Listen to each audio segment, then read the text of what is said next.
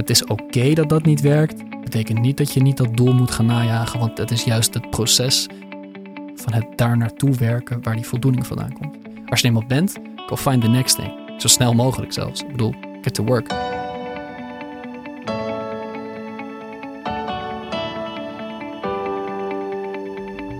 Dames en heren, welkom bij uh, een nieuwe aflevering van Make. Een beetje een andere dan normaal misschien. Want ik zit hier met Alexander Spoor. Hm. De echte. Hallo. Voor de tweede keer. Ja. En eigenlijk ben ik heel blij dat je er weer bent. De vorige keer was volgens mij ook een heel leuk gesprek. Alleen, dat is het grappige aan een creatief proces. En twee redelijk perfectionisten die wij zijn. Hm. We voelden hem allebei niet helemaal, het gesprek. Nee, En dat kan. Dat gebeurt. klaarblijkelijk. Maar nu gaan we het gewoon nog een keer proberen. Ja. En we gaan gewoon lekker praten over creativiteit en over de uitdagingen die daarbij horen. Alexander is rapper en muzikant. Iemand die ik eh, bewonder.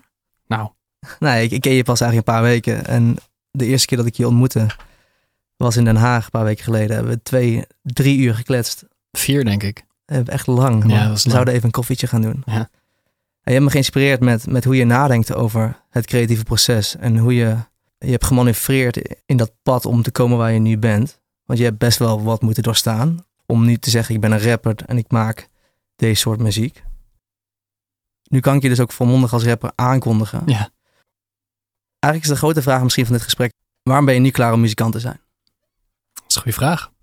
Ik denk dat het antwoord. ehm, ik wil zeggen, het antwoord is tweedelig, maar het is echt honderddelig. Het ding is, er zijn heel veel stappen onderweg naar waar je heen wil, natuurlijk. Ik denk dat ieder, iedere muzikant begint als muziekliefhebber. En voor mij kwam daar dan nog bij dat ik echt toevlucht kon vinden in dat wat muziek me beloofde, bijna. En kan inmiddels zeggen, als ik terugkijk op mijn jeugd, en op de manier waarop ik naar muziek en muzikanten en, en de muzikantenleef kijk. Ik, ik kan zeggen dat, dat ik ben opgevoed door een muziekfan. En daar ga ik nog even op terugkomen, op dat woord fan straks. Maar mijn moeder was en is nog steeds eh, groot fan van allerlei muzikanten. Eh, Johnny Mitchell, Michael Jackson. Ze kon zelfs mee in eh, mijn passie voor hip-hop en rap toen ik daar geïnteresseerd raakte.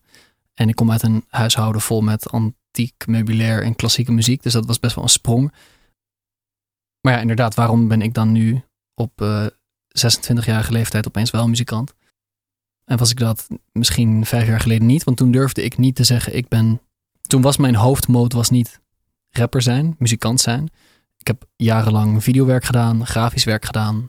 Doe ik trouwens nog steeds om de kosten te verdienen. Weet je wel, videomontage, YouTube-kanaal gehad, superveel dingen gedaan. En dan muziek on the side, maar voorzichtig. Als ik er nu op terugkijk, kan ik eigenlijk met best wel grote eerlijkheid zeggen dat een van de redenen dat ik nu ben waar ik nu ben en niet eerder is depressie geweest. Depressie moet je natuurlijk eh, definiëren en ik weet niet helemaal hoe ik dat doe, maar er zijn me echt een hele hoop mentale blokkades geweest waar ik de hele tijd steeds tegen mezelf aanhikte op, op een soort van ondoorgrondbare manier in het proces naar komen waar ik nu ben. En ik kan nu met, met volledige overtuiging wel zien waar dat hem in heeft gezeten. Maar dan gaan we helemaal terug naar mijn jeugd. En ik weet niet of dat oké is. Nou, ik ben wel heel benieuwd als je kan uitleggen hoe een paar van die mentale blokkades eruit zagen. Hm. Want ik ken ze ook als maker. Waar praat jij hierover? Oké, ik begin dan even bij de relatie tussen mijn ouders. Ik zal proberen het kort te houden, want anders zijn we hier voor eeuwig. Maar mijn vader was hoofdredacteur geweest van de NRC. Grote carrière gemaakt. Correspondent bij Elsevier. Ehm, was correspondent cultuur toen ik werd geboren in Oostenrijk. Mijn moeder heeft conservatorium gedaan. Heeft niet carrière gemaakt met muziek. Wel altijd heel erg veel van muziek gehouden.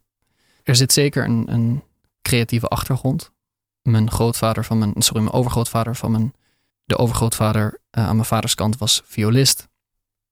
Dus dat allemaal bij elkaar opgeteld zou je kunnen zeggen, ja, het zit er wel in dat je iets met muziek zou willen gaan doen. Maar in mijn opvoeding is eigenlijk de grootste terugkerende factor klassieke muziek geweest op de radio iedere ochtend. Bach, Mozart, Schubert. Daar heb ik helemaal niks mee. Sterker nog, ik denk dat dat helemaal voor me verpest is, omdat het iedere ochtend aanstond. Aan de keerzijde daarvan is mijn opvoeding het grootste struikelblok geweest voor het mezelf vrijvechten van een bepaalde gedachtegang en overtuiging over de wereld en hoe dingen moeten werken om mijn muziek te kunnen pushen. Mijn vader is overleden toen ik 19 was, dus ik, ik weet niet hoe hij hier naar keek. Maar mijn moeder, die heel erg gelooft in de magie van muziek en in uh, talent, als zijnde de drijfveer van hoe succesvol uh, artiesten zijn, ben ik opgevoed met het idee dat uh, als je maar goed genoeg bent in wat je doet, dat je er wel komt. En tegelijkertijd ben ik opgevoed met een mantra van werk hard, maar dan in combinatie met word goed, snap je? Werk hard om een goede muzikant, een goede artiest te zijn. Uh, het ding is, mijn vader wilde heel graag dat ik ging studeren. Ga maar iets met video doen. Hij zag rap niet zitten. Mijn moeder wilde me best steunen in het muziek maken, maar er, er was altijd ruzie met mijn vader thuis. Mijn vader was nogal academisch ingesteld. Ik ben dat niet. Misschien wel omdat hij me zo gepoest heeft. En ik zou, ik, ja, ik kan de hele tijd eigenlijk heen en weer tussen hoe mijn vader naar dingen kijkt en hoe mijn moeder naar dingen kijkt. En eigenlijk is dat ook het verschijnsel dat, dat mij zo in een blokkade uiteindelijk heeft gebracht. Is dat, weet je wel, je, je groeit op onder het beleid van je ouders. Je internaliseert hun manier van kijken naar dingen. En het botste altijd eigenlijk. Dus je had geen plek eigenlijk? Nou, ik had vooral geen draaiboek voor grote vraagstukken die beantwoord moeten worden om een carrière in muziek te kunnen maken. Ik heb wel een manier van kijken gehad uh, op het gebied van goed zijn in iets. Ik heb heel veel waardeoordelen meegekregen van mijn ouders en, en die geadopteerd. Maar praktisch gezien was, het, was de manier van komen waar je komen wil, daar was geen harmonie in thuis. Het was niet. Um, ik denk dat iedere stap in het bijvoorbeeld uh, publiceren van een nummer. Voor, sommige mensen voelt dat heel erg logisch aan, weet je wel. Je, en en, en uh, ja, je moet gewoon iets doen dat de commerciële belangen behartigt. De commerciële belangen is een beetje een no-go altijd geweest in mijn opvoeding. Een goed voorbeeld. Mijn vader bitste altijd over de afzakkende kwaliteit van de krant, van, van NRC. Hij vond altijd dat de kwaliteit omlaag ging en het was, weet je wat, het was niet meer dit en het was niet meer dat en het was nu zo commercieel of het was nu zo, uh, het werd op die manier gedaan, het was zo doorzichtig, et cetera, et cetera. Hij, hij had er een groot probleem mee en kon me nooit vertellen waarom. Het antwoord is, het was niet meer de krant die hij had geënvisioned, right? Andere mensen staan aan het roer, times change, people change, de, de maatschappij verandert. Er komt een nieuwe generatie op, media verandert, het internet is een ding.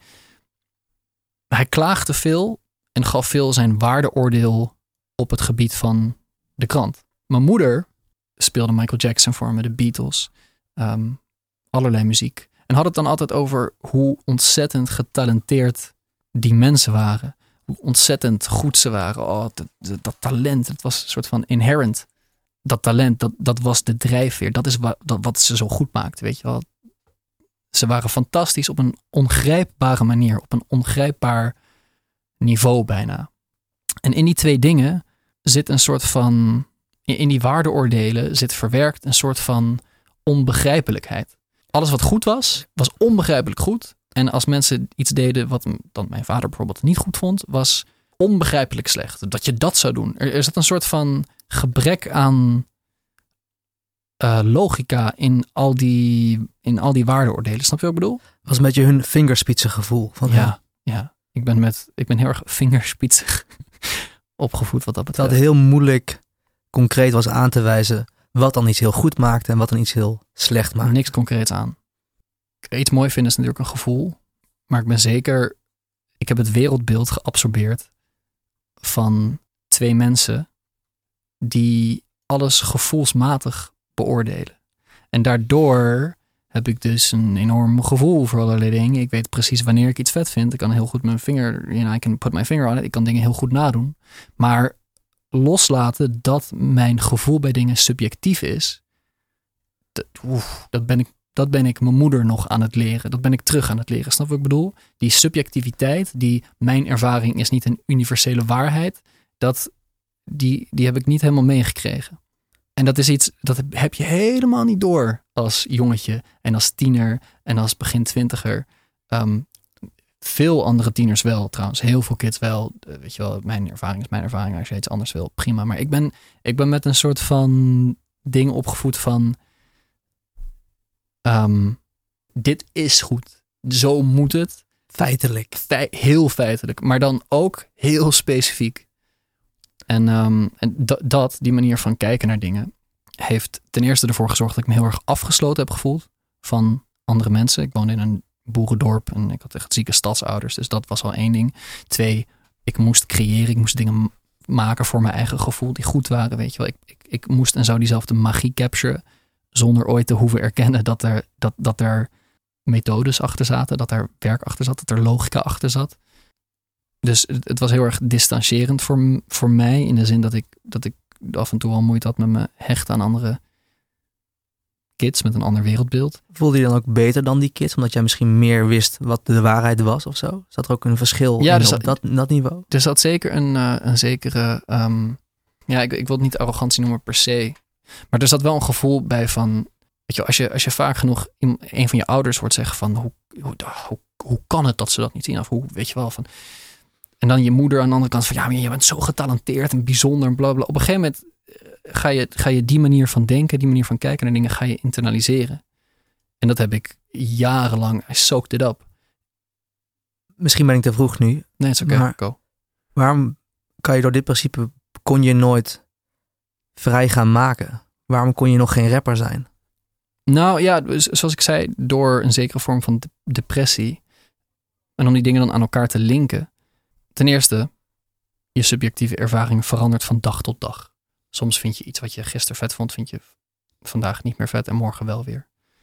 En in die, in, in die kennis weet je dus ook, achteraf gezien, weet ik nu van, je kan iets heel vets maken, misschien vind je het morgen kut. In een andere context kan iets dat heel cool is, kan heel lame zijn. Dat, ik bedoel, right? Makes sense. Heel veranderlijk. Heel veranderlijk. Ik bedoel, shit verandert de hele tijd. Er is niet iets inherently good of inherently bad. Misschien wel op de schaal van survival. En eh, is er een leeuw in mijn omgeving? Dat zou slecht zijn. Ik wil niet opgegeten worden. Eh, nee, oh dat is chill. Dan ben ik veilig. Weet je wel, op die manier eh, ervaren we bepaalde dingen allemaal hetzelfde. Gevaar voor eigen leven is slecht. Maar op het gebied van cultureel gezien is het natuurlijk allemaal. Het is een kwestie van, van, van mensen die allemaal positieve en negatieve associaties hebben bij dingen for whatever fucking reason. Maar ja, als je opgroeit met zo'n, zo'n idee van het moet, het moet altijd goed. Er, er is een inherent goodness. Dan probeer daarbij te komen. Dan probeer je universeel altijd iets goeds te doen, iets goeds te maken. En je raakt er natuurlijk op een gegeven moment, word je helemaal gek van het feit dat dat niet kan. Dat je iets on- on- onhaalbaars moet nastreven. En dan ga je proberen dat op te lossen met de twee stemmetjes van je ouders in je hoofd, die specifiek dat niet kunnen.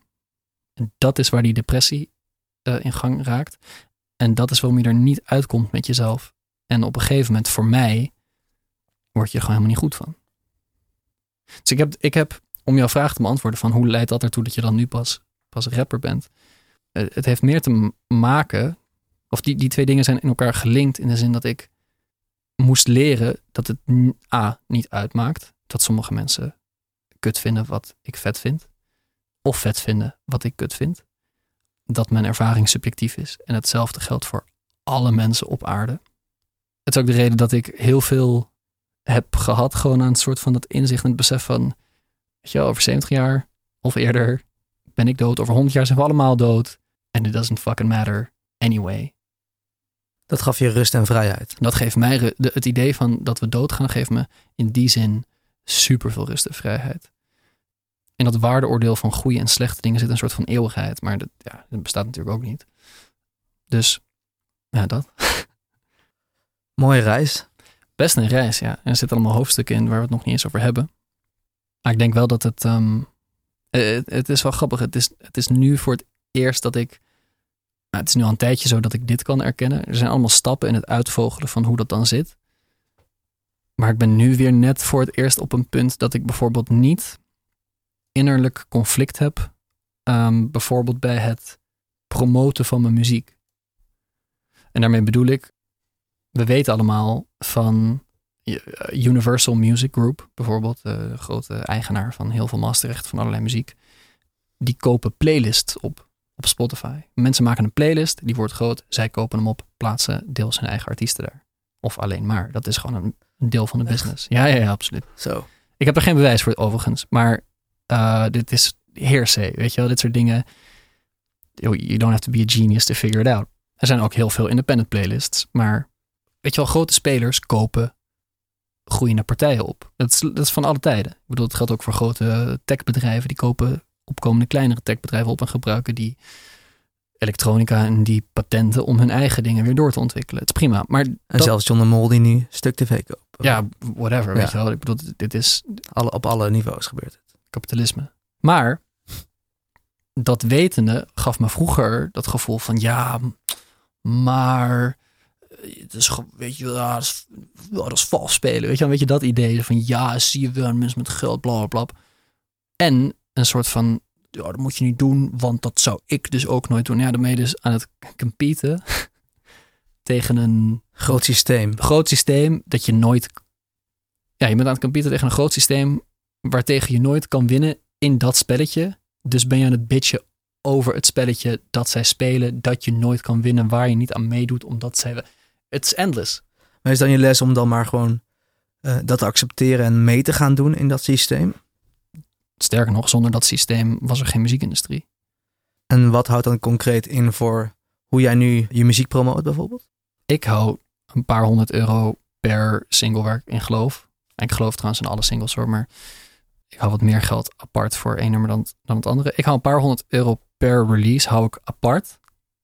En stop dat in vormen van promotie. Ik heb ehm, vandaag nog geld betaald aan een, aan een jongen die maakt comedyfilmpjes op Twitter. Eh, ik had hem gevraagd van, joh, kan jij misschien iets met dat nieuwe nummer van me? Eh, Zie je daar iets van comedy in? Eh, is dat grappig? En hij, zag daar wel iets in. Had hij een filmpje gemaakt, gepost, zei ik, uit, top houden op dollars overgemaakt. Ja, aan de ene kant kun je zeggen, oh, maar dat is vals spelen. Aan de andere kant, vriend, ik heb keihard gewerkt voor dat geld. Ik heb mijn uren, I put the hours in. En ik ga dat geld ga ik besteden aan het bereiken van mensen die mijn muziek anders niet zouden horen. Die gast heeft ook dingen te doen met zijn leven. Hij is ook zijn tijd aan het spenden. Tuurlijk, let's go. Ik zet een budget apart voor playlist placements. Ik, ik, ik hou wat geld apart voor eh, eh, om, om mijn muziek te kunnen pitchen bij playlists op Spotify, Apple Music, Deezer. Um, en sommige, sommige playlists zitten achter een paywall. Weet je wel, je, je, je kan niet eens een submission indienen eh, als je niet een paar dollar neerlegt. Of je kan het wel doen, maar je, je moet wat neerleggen om überhaupt geplaatst te kunnen worden. Het is, je hebt natuurlijk ook nog een hele pay-to-play markt. En dat is natuurlijk onzin. Gewoon uh, streams kopen en allemaal bots en shit. Dat, dat is iets anders. Daar heb je helemaal niks aan. Maar Spotify playlisters chargen voor access tot hun volgers. Plaatsen niet alles wat er binnenkomt. Dat betekent van, hè, je kan iets insturen, maar als het wack is, wordt het niet geplaatst. Als het tof is en ze vinden het vet, vragen ze een fee. Jij wil 40.000 uh, playlist luisteraars die religieus luisteren naar deze playlist iedere maand. Alright, it's gonna cost you. Hmm. Nou, vroeger werd ik heel geagriveerd en boos van dit idee. Nu begrijp ik van, yo, This is how it works. it is what it is. Zullen we een stukje gaan luisteren naar je allerlaatste single? Nou, doe maar. Klein stukje? Ja, maar niet de intro en Van niet de outro. oh ja. Ja. Explicit. Ja, dat, is, dat is explicit, dat moet je maar zelf gaan checken. Oké. Okay.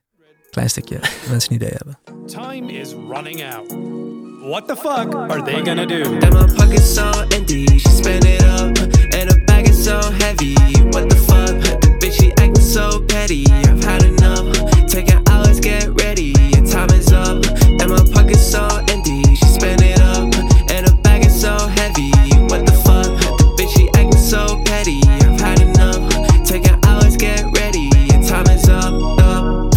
Fast life, so I'm moving down the Johto. In it last night, no, I want a prune photo. You ain't gotta ask, I'll be making sure the cash come. Focus on the past, girl, you know I must have had some. That's what's up, yeah. Tell me what the fuck is up, yeah. That's a must, yeah. I just need your fucking trust.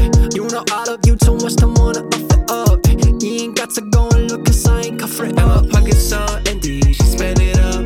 And her bag is so heavy. Is leuk om even de luisteraar een idee te geven van wat je maakt. Ja. Ja, ik vind het fucking leuk om je zo weer te zien genieten als je praat over je muziek. Zeker nu net je, je verhaal aangehoord te hebben over Dus de reis hier naartoe. Hm. Als we het nog eens even gaan hebben over, over die depressie, die mindere periode. Ja. Wat zou je zeggen, het is natuurlijk heel moeilijk en voor iedereen anders. Welke stappen kun je zetten om te beginnen om uit zo'n dal te komen?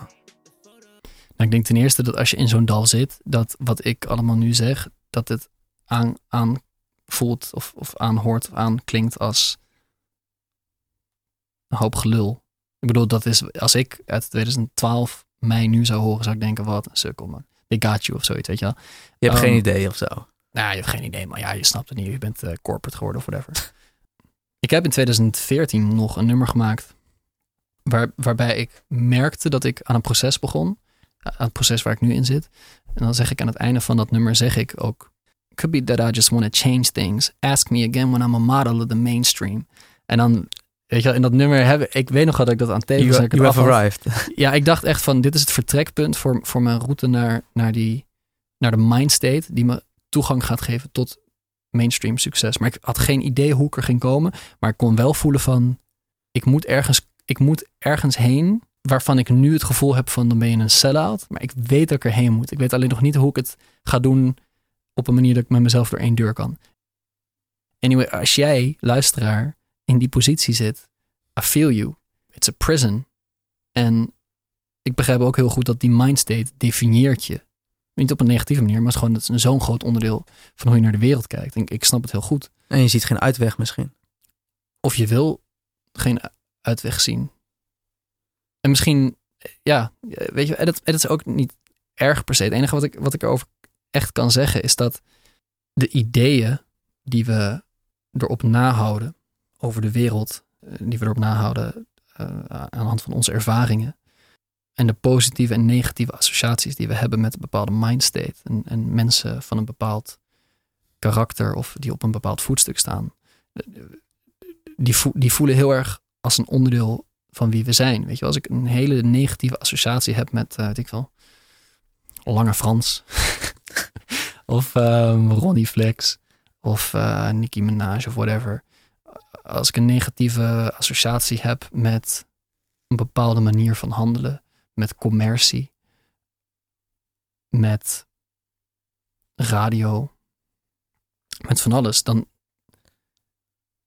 is het logisch dat ik daar zo ver weg mogelijk van wil blijven. Weet je wel, ik bedoel echt negatieve gevoelens of het gevoel dat je op een sociaal gebied misschien niet kan overleven eh, binnen een circuit die allemaal op een bepaalde manier naar de wereld kijken, ehm, kunnen ertoe leiden dat je je afsluit van een bepaalde community. Dus eh, weet je wel, mocht je hangen met allemaal kids die eh, op een bepaalde manier doen en ze sluiten jou buiten en dat worden de ENR's van de wereld, dan is het heel moeilijk om je bij die groep mensen te willen scharen later. Because they, they fucked you up socially of mentally when you were a kid. Hm. Dat is een hele directe correlatie. Maar ik bedoel maar daar meer mee te zeggen. Het, het is logisch dat niet iedereen zo in het leven staat als wat er voor nodig is om een succesvolle eh, mainstream muzikant te worden. En dat is prima, behalve voor de mensen die heel graag een mainstream succesvolle muzikant of mainstream succesvolle artiest op welk gebied dan ook willen worden. Ben jij er een van? Absoluut, altijd geweest. Vijf jaar geleden wel met zo'n houding van, maar wel op mijn manier, want de manier waarop het werkt is niet de manier waarop het werkt. Inmiddels begrijp ik van, oh nee. En waarom wil je dat graag? Wat is het precies dat je wilt bereiken? Uh, wat wil ik bereiken? Een beetje afleiding eh, totdat, eh, totdat de dood eh, komt aankloppen lijkt me lekker. Op een leuke, zo leuk mogelijke manier. Op een zo leuk mogelijke manier. Ja, ik vind creatie vind ik leuk. Ik vind dingen maken vind ik mooi. Muziek vertaalt een emotie op een hele rauwe, authentieke manier. Ik vind muziek gewoon nice. Ik heb daar super veel positieve associaties mee. Ik zou op een of andere manier als inspiratie willen kunnen dienen voor een groep kids. Ik denk dat ik een gat in de markt heb, gevo- gat in de markt heb gevonden om dat te kunnen doen. Maar daar gaan we het een andere keer over hebben, over een paar jaar. Dan vertel ik je wel of ik het goed had. Ja, weet ik veel. Ik wil gewoon iets doen. Dit is, dit is wat ik wil doen. Ja, maar dan is de vraag, daarom verstel ik hem. Ja. Waarom per se als mainstream artiest? Ook omdat je dus klaarblijkelijk heel graag hiervan wilt leven en kunnen leven ook. Ja, maar dat zou ik ook wel kunnen doen. eh, kijk, ik, like, I want to be like the Drakes, snap je? Like the M&M's. De, ik bedoel, ik, I'm, ik, I'm not gunning voor, zeg maar, voorprogramma van... eh, nou ja, op een gegeven moment wil ik wel voorprogramma, maar ik wil niet, zeg maar, die voorprogramma-artiest worden en dan eh, lekker mijn ding doen en op Nederlandse televisie, weet ik veel, The Voice host of whatever. Dat, dat is niet waar mijn interesse ligt. Ik ben er niet puur voor het maken van entertainment en het entertainen van, van mensen. Ik wil een brand neerzetten en ik wil een idee neerzetten en ik wil een, ik wil een audience. Dat vind ik gewoon leuk. Eh, waarom? Ja. Nou ja, ik als kind keek enorm op naar Eminem, Michael Jackson. Wat even nu eh, een moeilijk moment is om eh, op te kijken naar Michael Jackson. Maar de, ja, de muziek, de moves, de, de alles. De, de, there's like some real beauty in, in wat hij heeft neergezet. Hetzelfde geldt voor Eminem. Er zit trouwens ook wel heel veel ugliness in. Maar dat representeerde een emotie in mij die geen uitweg had toen. Ik, ik heb iets gehad aan die grote artiesten als, als jongetje. Misschien eh, was het niet per se eh, de gezondste oplossing voor waar, waar ik mee te dealen had in mijn privéleven. Maar ik heb ontzettend, een ontzettend positieve connotatie bij een M&M. Zo'n rolmodel. Bij, ja, bij een rolmodel. Ik heb, ik heb heel veel van mijn. Dat kan ik echt zeggen. Ik, ik heb heel veel van mijn motoriek zelfs. Tot gezichtsuitdrukkingen heb ik van, van rolmodellen van tv of uit magazines of, of whatever. Maar je wilt dus diezelfde mate van significantie bereiken voor, voor andere mensen. Kijk, ik, ik, weet dat ehm, het is een grote wereld met heel veel mensen. Nederland is een van de, van de chillste landen in de wereld om in te wonen. En ik weet dat er superveel kids zijn die niet leven onder, zon, eh, onder onze omstandigheden. Die niet, leven in on- eh, die niet leven in een gebied zo chill als Nederland. Die uit een veel minder gezond, rustig, relaxed gezin komen dan ik je weet dat er ontzettend veel kids zijn die zich vergrijpen aan een rolmodel. Ja, ik, het lijkt me tof om daar één van te zijn. Met de dingen die ik waardeer. Ik wil niet een Lil Wayne zijn in die zin. Nou, trouwens, Lil Wayne is niks mis mee. Eh, maar ik wil niet, ik wil niet een eh um, 6 9 zijn in die manier. Mm, ja. Maar eh, een J. Cole kan ik waarderen. Zelfs een Lil Yachty kan ik waarderen. Een uh, whatever. Ja, er zijn zoveel artiesten. ja. Er zijn zoveel artiesten die, die, die iets kunnen betekenen voor, die, voor, voor kids. Het lijkt me tof. Ja. Ik, ik begrijp aan de andere kant ook wel dat dat super insignificant is allemaal wat ik wil. En dat het, eh, weet je wel, whatever. Leuk als het me lukt, maar eh, het is alleen maar leuk voor mij. Verder boeit het natuurlijk helemaal geen fuck. ja, maar je kan het nog steeds nastreven. Ik merk, ik deel dit verlangen ergens wel, tot op zekere hoogte. Hoe zou je daar kunnen komen, denk je? Wat ga je dit jaar bijvoorbeeld doen om ooit misschien op zo'n plek te kunnen komen? Ik wil eerst even weten in, in hoeverre jij dit ook ambieert. Ik ben wel benieuwd naar. Nou, ik merk wel dat ik het eigenlijk probeer zoveel mogelijk los te laten. Hm. Ik wilde vroeger, ehm, ik vond het heel belangrijk om belangrijk gevonden te worden en om, om er toe te doen. Mhm. En ik denk dat ik dat nog steeds al heel erg heb, want ja, ik heb deze podcast, je wil dan toch gezien worden. Ja. Je wilt jouw stem laten horen, Letterlijk. letterlijk. en toch eh, ja, zit er iets in van ik wil een stempel kunnen drukken op dingen. Ik zou het zo leuk vinden als mijn films of andere dingen die ik maak paradigm shifts kunnen creëren. Hm. Die perspectieven kunnen veranderen die nodig zijn om het toch een betere wereld te maken of zo. Die dingen die urgent zijn, om die aan te stippen. En ja, dat drijft me dus wel een beetje. En ik merk gewoon steeds meer dat als op een gegeven moment je werk wordt gewaardeerd door een breed publiek, is het makkelijker om die stem te laten horen en om enig, enig invloed te hebben. Ja. En eigenlijk komen we denk ik op dezelfde vraag uit. Ja, waarom willen we dit heel graag? I don't know. Misschien zit er een groot ego in. Dat zal meespelen. Ah, maakt geen fuck uit. Maar maakt geen moeten- fuck uit. En, Nee. ik, en ik, ik merk het verlangen blijft. En wat ik vooral interessant vind, in het moment inspireert het me om uit bed te gaan. En Om dingen te gaan maken. Om hier te zitten nu met jou op vrijdagavond. Ja. Ik kom net, net uit de andere shoot. Ik ben eigenlijk best wel moe. Maar het geeft me de motivatie om te maken.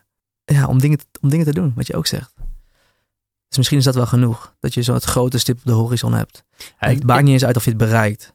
Maar het, in het moment motiveert het je om dingen voor elkaar te krijgen. Ik, ik denk dat op een heel erg bazaal niveau.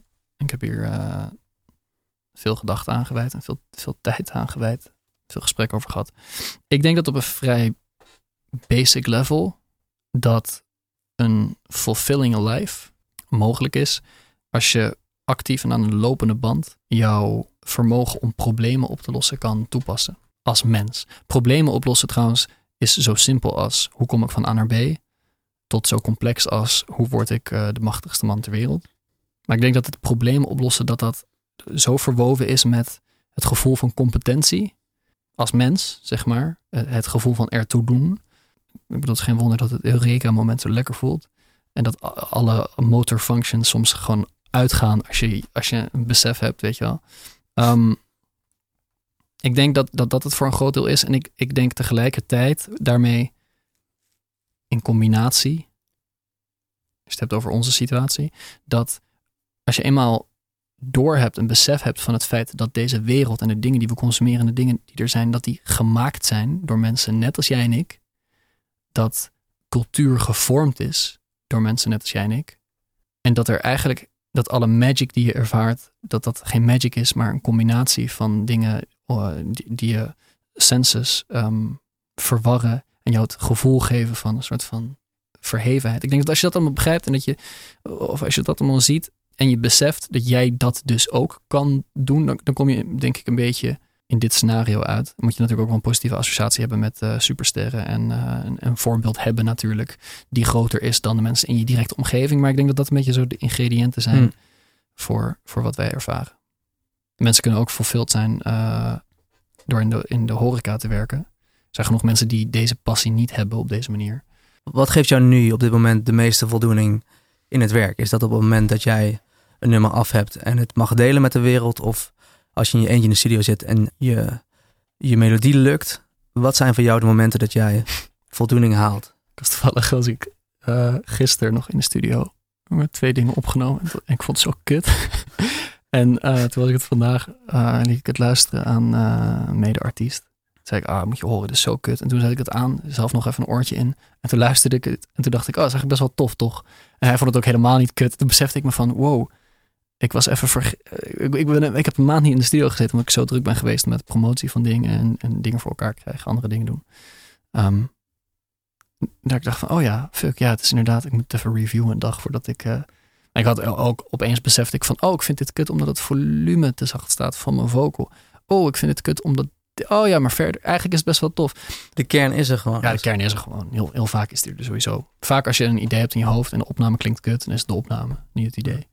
Ehm, tenminste, vanaf een bepaald moment natuurlijk. Je moet wel eerst goed worden in het herkennen van. Maar goed, Eh, dat gezegd zijn, waar, waar haal ik de drive vandaan? Was dat je vraag? of waar haal ik voldoening uit? Ja, de- waar haal je de meeste voldoening uit in, in hetgeen wat je nu doet? Nou, als we dan even blijven bij dat concept van problemen oplossen, Ja. voorziet een mens van voldoening. In de studio haal ik voldoening uit het maken van iets dat killer is. Als ik in de studio ben en ik maak iets en ik speel het terug op de speakers en ik ervaar de magie, I know I killed it. Want ik heb, ik heb het eerst gemaakt en daarna trickt het mij om te denken dat het, dat het sick is. Nou, dat, dat, is, dat is geweldig dan weet je ook dat andere mensen dat ook gaan ervaren. Als je zelf nooit in de studio ervaart van, yo, dit is killer. En bijna Ja, als... afronden, oké. ja. Oh, moeten we afronden? Over eh, een paar minuten komt eh, de nieuwsploeg binnen. Oké, Oh joh, tot acht uur dacht ik eigenlijk. Ja, Oh ja, tuurlijk, ja, acht het- uur hebben ze live. Het is tien voor acht. oh, oké, super. Zullen we drie minuutjes even afronden, oké? Oké, ja. Oh, de tijd gaat snel, ja. Ja. Als je dat kan bewerkstelligen, dat je jezelf, dat je je eigen senses voor de gek houdt. Dat je denkt, dit is fucking sick. Dan weet je dat andere mensen dat ook gaan hebben. Maakt niet uit als je het de dag daarna kut vindt, maar je moet, je moet dat zelf ervaren. Als je niet zelf hebt ervaren van, dit nummer is sick, terwijl je het aan het maken bent, dan, dan is het er niet, weet je wel. Dus in de studio is dat het fulfilling ding. Dat, dat, dat is hetgene waar ik voldoening uit haal. Is dat moment dat ik weet van, ja man, it's a banger. En als, als je dat nog doet met mensen in, de studio, met een eh, collaborator of zo, dan is dat nog leuker soms. Maar ja, als, als het aankomt op marketing, ben ik fucking blij als, eh, als ik eh, mijn geld op zo'n manier heb ingezet dat het vet veel mensen bereikt. Als ik feedback krijg, als mensen het like, als ik streams krijg op Spotify, ben ik vet blij met, met het feit dat het, al dat harde werk en al, al die energie die ik heb gestopt in dat nummer, dat het zich ook rendeert. Als we het hebben straks over het neerzetten van een imago en een brand, ga ik Hmm. super blij zijn als, eh, als jongeren en mensen daar in het algemeen mee connecten. En ik denk dat, Dat zijn allemaal kleine dingetjes die ik kan bewerkstelligen. En als je dat allemaal bij elkaar optelt, dan, dan krijg je natuurlijk de grand picture, de grand vision. Ik weet overigens ook wel dat als ik eenmaal op een punt ben waar ik nu naartoe aan het werken ben, I'll find something else. Want het is belangrijker dat ik dingen kan blijven doen, probleempjes kan blijven oplossen, eh, dingen kan blijven bewerkstelligen. Ook nadat ik deze eerste grote missie heb gehaald. Ik, ik weet ook wel dat ik ga niet blij zijn als ik een icoon ben en denken, oh ja, het is call it a day, ik ga nu voor de rest van mijn leven blij zijn, want ik was een icoon. Nee, ik, I'll, I'll find other things. Ja. Ik ga niet blij zijn met eh 10k, want als ik 10k heb, wil ik 100k. Als ik 100k heb, wil ik, weet je wel, Eh, Dat spel 100.000. weet je dus. dat, ja, dat is, ik bedoel, ik heb genoeg doelen behaald. Ik heb vaak genoeg ervaren dat ik dan een doel heb behaald en dat ik mezelf daarna helemaal niet gelukkiger voel. That's not how it works. Ja. Dat weten we allemaal. Het is oké dat dat niet werkt. Betekent niet dat je niet dat doel moet gaan najagen, want het is juist het proces van het, van het daar naartoe werken waar die voldoening vandaan komt. Als je eenmaal bent, go find the next thing. Zo snel mogelijk zelfs. Ik bedoel, Hm. get to work. Thanks. Cool. ja, ik denk een mooie slotgedachte. Ik denk het ook. We moeten ook alweer eruit helaas. Volgens Ja. mij kunnen wij echt een keer nog vier uur dit doen. Dat denk ik ook. Maar we worden eruit gekikt Ja, Door, best eh, wel eh, abrupt. Ja, maar misschien ook wel goed. Ik denk dat nu blijft het compact. Ja, het is nu wel behapbaar, denk ik. Ja, Ehm, misschien nog één laatste dingetje. Ehm, Ik ben nogmaals heel blij dat je bent waar je nu bent. Dat je die goede vibe uitstraalt. Ja. Wat gaan we dit jaar van jou verwachten als rapper? Iedere maand een release. Iedere maand een nieuw nummer op eh, alle streaming services van de wereld. Nou ja, de grote. Spotify, Apple Music, Deezer. Ja, we moeten gaan hè. Nu echt. Oké, yes.